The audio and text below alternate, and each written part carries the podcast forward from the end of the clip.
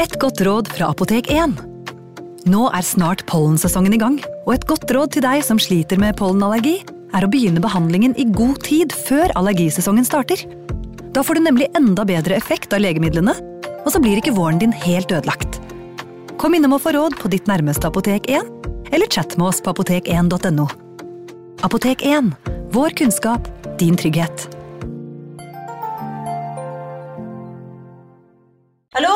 Jeg kommer fra Oslo politikammer.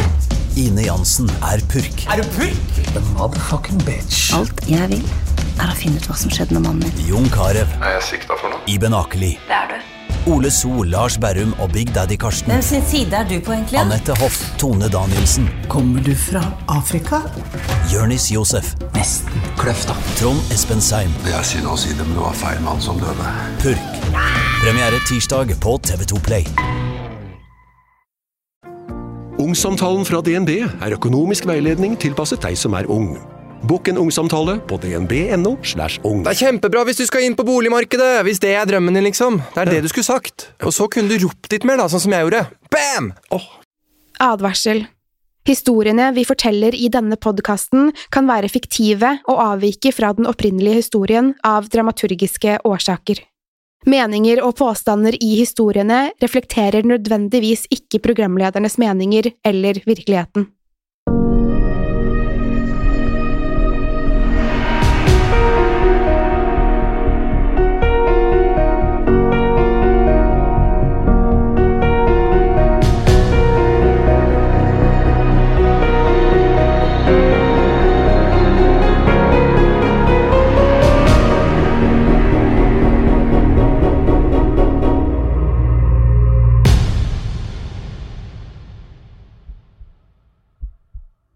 Denne episoden av Skrekkpodden skal vi nok en gang returnere til heksenes verden. Bak mytene som eksisterer om hekser, er det ekte historier om både menn og kvinner. Personene som ble anklaget for hekseri, måtte ofte bøte med livene. Men også de som var frikjent, måtte leve videre med dette stigmaet for resten av deres liv. Ofte startet anklagene med noe helt trivielt. Kanskje en krangel mellom naboer, eller en konflikt som gjorde at venner eller familie vendte seg mot hverandre. I flere tilfeller startet anklagen med et behov for å skylde på noen andre for uhellene man opplevde. En dårlig avling, dødsfallet til et familiemedlem eller et dyr. Dersom noen møtte tilstrekkelig motgang, var det ikke uvanlig å legge skylden på nabokona, for i Salem kan en reaksjon på sopp som vokste i rug, ha utløst hele hekseprosessen. Disse anklagene fortsatte uansett å komme, til tross for kunnskapen om skjebnen man dømte disse personene til. I denne episoden skal vi ta for oss historien til tre kvinner anklaget for hekseri, og konsekvensene dette hadde for livene deres. Alice Kai Taylor var den første personen dømt for heksekunst i Irland. Alice ble født i Kilkenny i Irland i 1263. Hun var eneste datter av en velstående flansk familie, og Alice giftet seg fire ganger. Bare dette var med på å rette mistanke mot Alice, og flere begynte å hviske om at hun hadde konspirert for å drepe flere av hennes ektemenn. Det gikk rykter om både gift og heksekunster, og det var flere episoder som forsterket dette inntrykket. Blant annet skal Alice ha overtalt hennes andre ektemann til å overføre arven til hennes sønn. Dette skapte naturlig nok furore hos stebarna hennes. Alice skal heller ikke ha brukt lang tid på å finne seg en ny ektemann etter den forriges død, og hennes sønn skal stadig ha tjent gode penger på morens ekteskap. Alice skal nok en gang ha holdt tilbake arven til stebarna da hennes tredje ektemann døde. Da Alice giftet seg igjen på nytt, ble hun igjen anklaget for hekseri i 1324. De store verdiene Alice og sønnen hadde opparbeidet seg, hadde etterlatt mange fiender. Alice sine stesønner og døtre var sinte og ikke minst mistenksomme. De trodde nå at Alice hadde brukt ondartet trolldom mot fedrene deres. På denne tiden ble ikke hekseri og trolldom sett på som like alvorlig som det snart ville. Hekser var enda ikke assosiert med djevelen, slik det ville bli i de neste århundrene. Urtemedisiner og miksturer var på denne tiden svært utbredt, og hekser ble derfor sett på som nyttige. Saken ble brakt frem for biskop Richard Ledred. Dette ble for han begynnelsen på en langvarig kamp mot hekseri, som han mente sto i opposisjon til kirkens verdier. Han fortsatte å kjempe for at Alice skulle stilles for retten for sine gjerninger. I alt syv anklager ble reist mot Alice Keitler. Først var anklagen om at hun hadde forgiftet, forhekset og drept sine ektemenn. Videre at hun fornektet Gud og kirken, at hun slaktet dyr og utførte ofre til demoner, at hun kommuniserte med demoner. Hun skal ha utført svart magi i kirkens lokaler, at hun benyttet trolldom for å kontrollere og manipulere kristne mennesker. I tillegg skal Alice Keitler ha blitt anklaget for å ha sex med en demon. En del av anklagen indikerte at Alice hadde brukt trolldom på sine ektemenn for å manipulere dem til å gi all arven til hennes biologiske sønn. I tillegg hevdet de at Alice sin fjerde ektemann var i ferd med å bli forgiftet. Det siste er ikke nødvendigvis helt ubegrunnet. Alice sin fjerde ektemann, sir John Lepore, hadde en gang vært en anerkjent ridder. Da anklagene mot Alice ble brakt frem, var han en skygge av sitt tidligere selv. Han var mager og utsultet. Håret og neglene på hendene hans hadde falt av. Dette er symptomer som peker mot at han var i ferd med å bli forgiftet av arsenikk. Etter en lang kamp virker det som om biskopen får sin vilje, og det går mot at Alice skal stilles ansvarlig for sine gjerninger. Alice forsto også at allmennheten hadde begynt å vende seg mot henne. Da anledningen bydde seg, flyktet Alice Keitler fra Irland. Hvor hun dro, er ukjent, men det antas at hun endte opp i England eller Flandern. Det hele endte riktignok ikke like smertefritt for alle involverte. Selv om Alice Keitler kom seg unna, sto fremdeles flere av hennes medsammensvorne anklaget for hekseri. Flere av disse tilsto etter å ha blitt utsatt for langvarig og brutal tortur. Også Alice' sønn ble etter hvert inkludert i anklagene. Han skal ha tilstått og ble deretter fengslet. Etter press fra flere av hans innflytelsesrike venner ble også han frigitt. Han ble pålagt en straff som innebar bønn flere ganger om dagen og å dele ut mat til de fattige.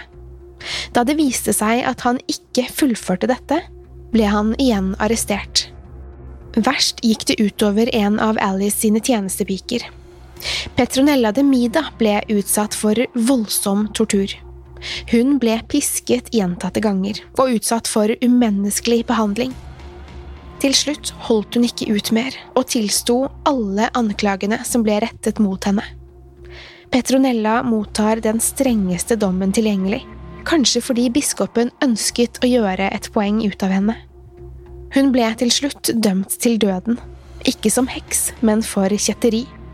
Til slutt ble Petronella brent på bålet for disse syndene, som den eneste involverte i saken som mottok denne straffen.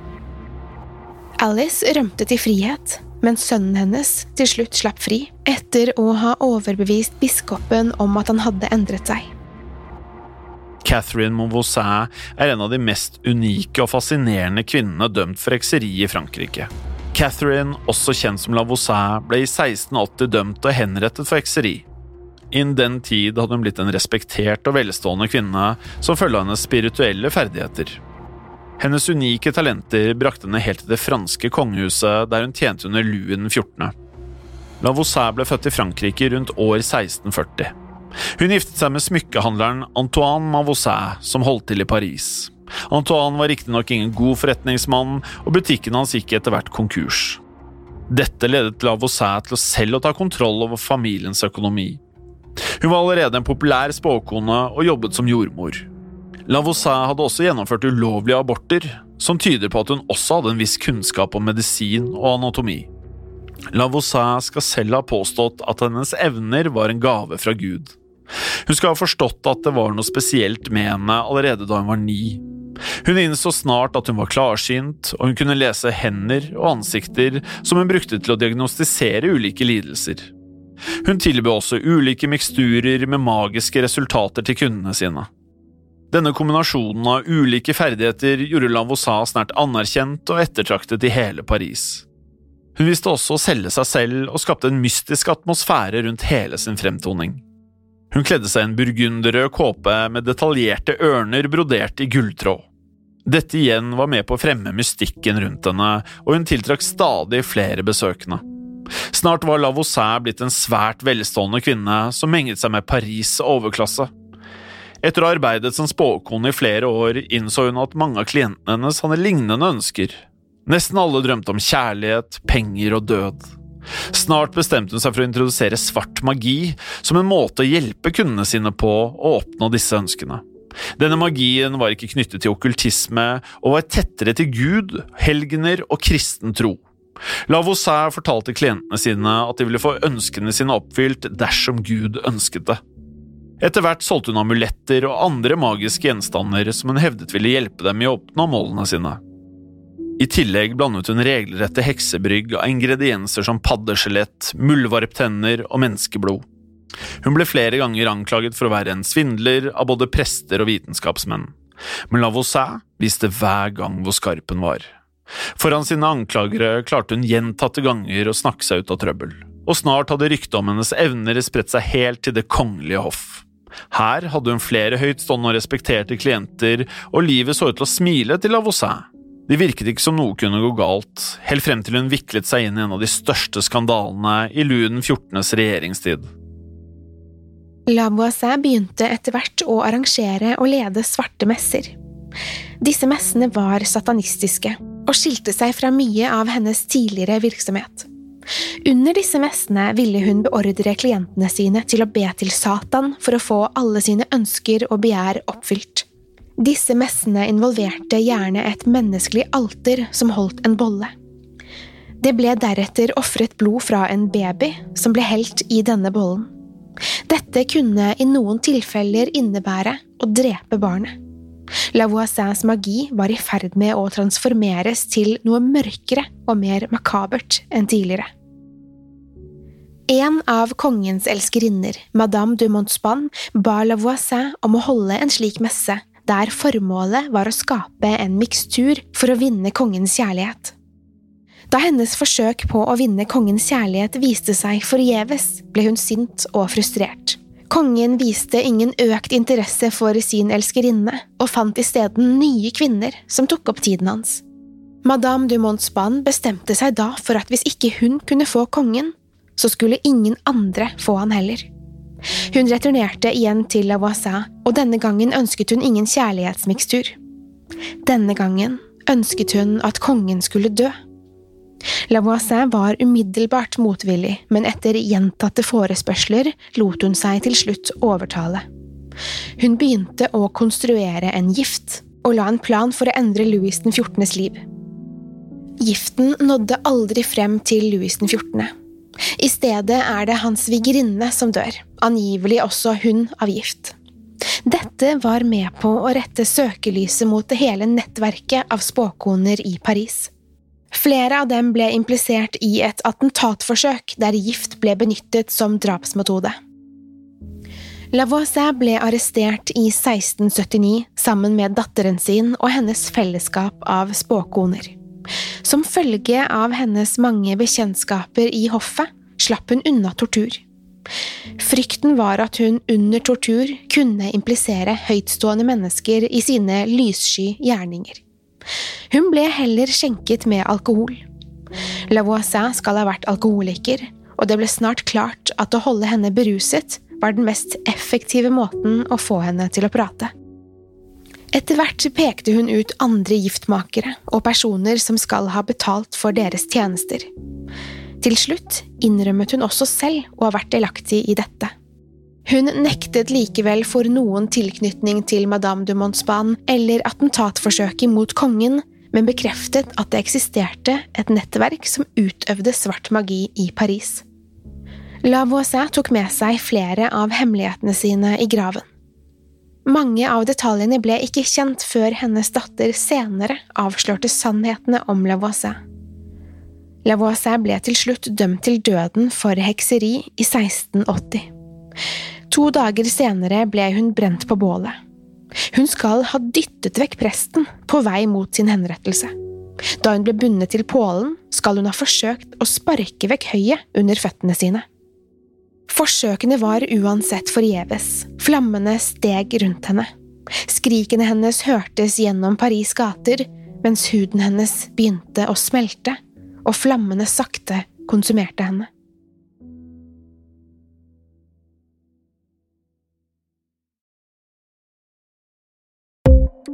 Er du glad i Skrekkpodden? Sjekk gjerne ut andre podkaster fra moderne media, som Historiepodden, Mørkeredd eller True Crime-podden. Podkastene våre finner du der du lytter til podkast, som på iTunes eller på Spotify.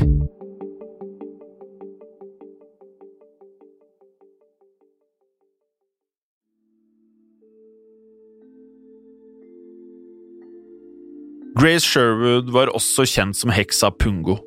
Hun var i likhet med mange andre kvinner som ble dømt for hekseri, både jordmor og helbreder. Grace var den siste personen som ble dømt for hekseri i Virginia. Hun skal ha vært en attraktiv og positiv kvinne som foretrakk å gå i bukser fremfor skjørt eller kjoler. Da hun var 20 år gammel, giftet Grace seg med bonden James Sherwood. De fikk tre barn og levde et liv i fattigdom. På gården deres dyrket Grace både urter og planter. Disse brukte hun til å lage ulike helbredende midler til både dyr og mennesker. James Sherwood døde i 1701, og Graces utseende skal ha forårsaket en del sjalusi blant nabokonene. Det blir spekulert i om denne sjalusien var grunnen til hekserianklagene mot henne. Faktum at Grace skilte seg ut både i måten hun kledde seg på og ved å dyrke urter, var med på å gi medhold i disse anklagene. De første anklagene mot Grace kom allerede før James sin død. Grace ble nemlig anklaget for å ha tatt livet av en av naboenes okser med en av trolldommene sine. Snart ville riktignok flere lignende anklager bli rettet mot Grace. Det ble hevdet at hun hadde forhekset både dyr og avlinger. Naboene var raske til å rette fingeren mot Grace, gjerne så fort de opplevde noen form for uhell. Andre anklaget Grace for å forvandle seg til en svart katt, for så å entre hjemmene deres. Grace skal som katta angrepet og klort naboene sine før hun forsvant like raskt som hun hadde dukket opp. De mange anklagene fra naboene ledet til en svært konfliktfylt tilværelse for Grace. Hun var åpenbart upopulær og skal ved flere anledninger ha havnet i fysiske konfrontasjoner med naboene.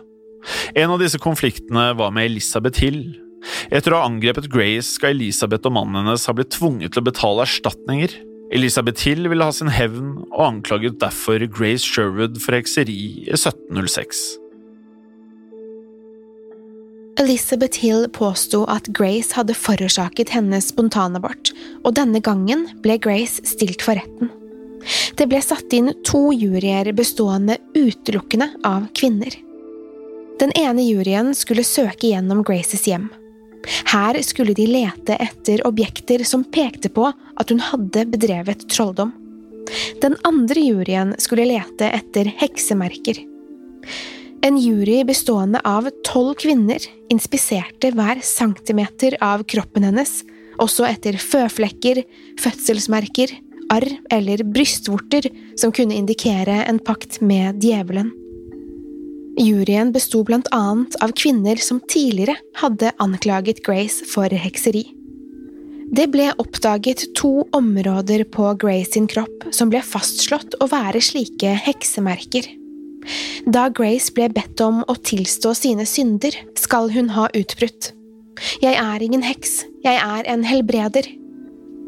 Det var flere som umiddelbart mente at bevisene mot Grace var mangelfulle. Til slutt ble det avgjort at Grace skulle bevise sin uskyld ved å la seg binde og kastes i en elv for å se om hun sank eller fløt. Da Grace ankom elven, ble hun møtt av en stor forsamling. De kom med tilrop mot henne, og de virket allerede å ha bestemt seg for at hun var en heks. Tilskuerne virket å vurdere hele prosessen som en form for underholdning. Før Grace skulle kastes i elven, bandt de hendene og føttene hennes sammen. Tanken bak dette er at en heks ville flyte opp til overflaten. Dersom hun var uskyldig, ville hun synke. Det var ikke uvanlig at ofrene for slike prosesser druknet, men dette var aldri intensjonen.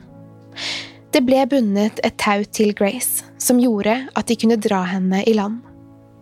Grace ble inspisert en siste gang før en striesekk ble trukket over henne. Grace ble plassert i en båt som ble rodd flere hundre meter ut. I båten skal hun ha kommet med en siste forbannelse av menneskene som hadde forårsaket hennes skjebne.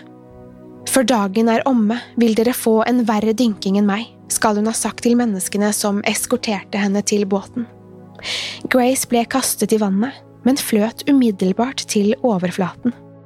Hun skal så ha fått en tung bibel festet til seg. Dette fikk henne til å synke, men Grace klarte å bryte seg ut av repene og returnerte til overflaten.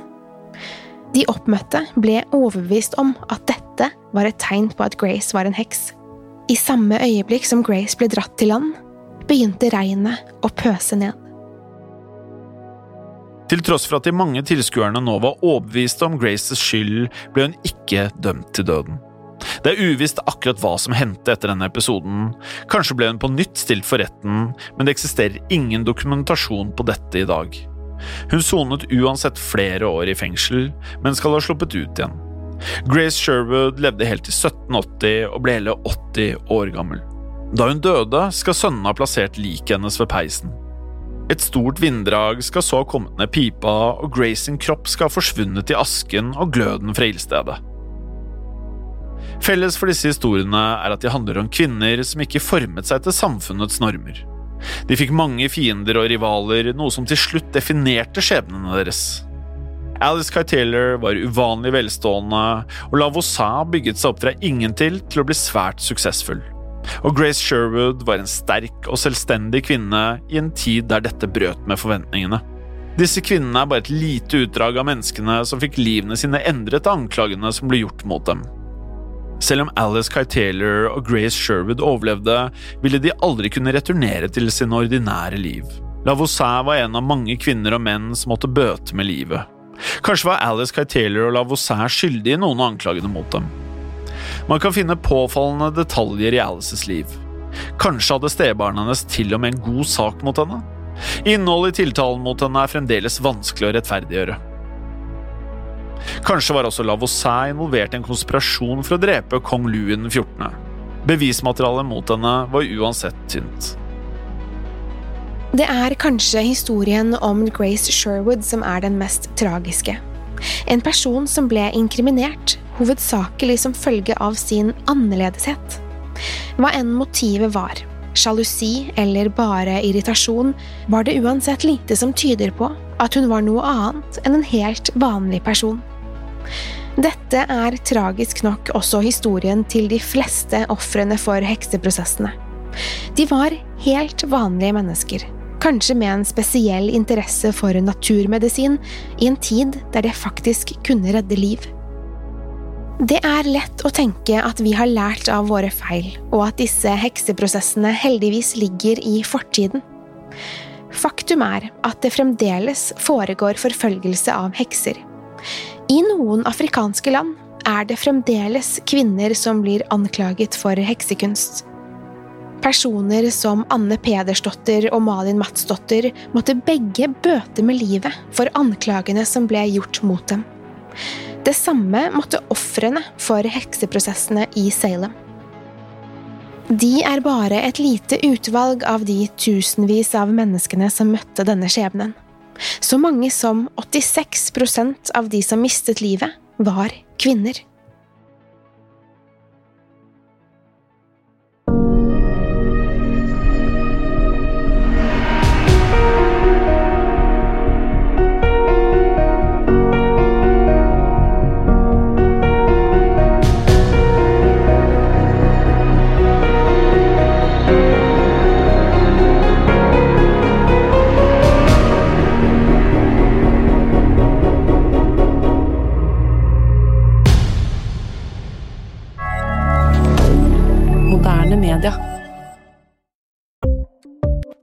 Ukens annonsør er Folio, en smartere banktjeneste for deg som har en egen bedrift eller ønsker å starte for deg selv. Folio er en superenkel nettbank for bedrifter. Som kunde i Folio får du en bedriftskonto med et bedriftskort og app. I denne appen er det smarte løsninger som forenkler regnskapet ditt, uansett om du har en liten bedrift eller et enkeltpersonsforetak. Folio er både intuitivt og brukervennlig, og er laget med et enkelt språk. I tillegg tilbyr de forutsigbare priser og ingen skjulte gebyrer. Skulle du likevel trenge det, så kan du snakke med deres raske og hyggelige kundeservice, og der får du prate med en faktisk person og ikke en chatbot. Folio er med andre ord både enklere og koseligere enn banken. Over 10 000 bedrifter har allerede valgt Folio som sin banktjeneste, så besøk folio.no og se hvordan Folio kan forenkle din hverdag også. Har du et enkeltpersonforetak eller en liten bedrift? Da er du sikkert lei av å høre meg snakke om hvor enkelt det er med kvitteringer og bilag i fiken, så vi eh, gir oss her, vi. Fordi vi liker enkelt. Fiken superenkelt regnskap. Kiwi er billigst i VGs matbørs og har vært billigst i fire av de fem siste VGs matbørser. Og nå presser vi prisene på frukt og grønnsaker. På 200 gram broccolini setter vi prisen til 24,90. På 400 gram Cevita blåbær setter vi prisen til 49,90. Og husk, alle Kiwi Pluss-kunder får i tillegg 15% trumfbonus på all fersk frukt og grønt. For det er vi som er prispresserne. Og vi i Kiwi gir oss aldri på pris.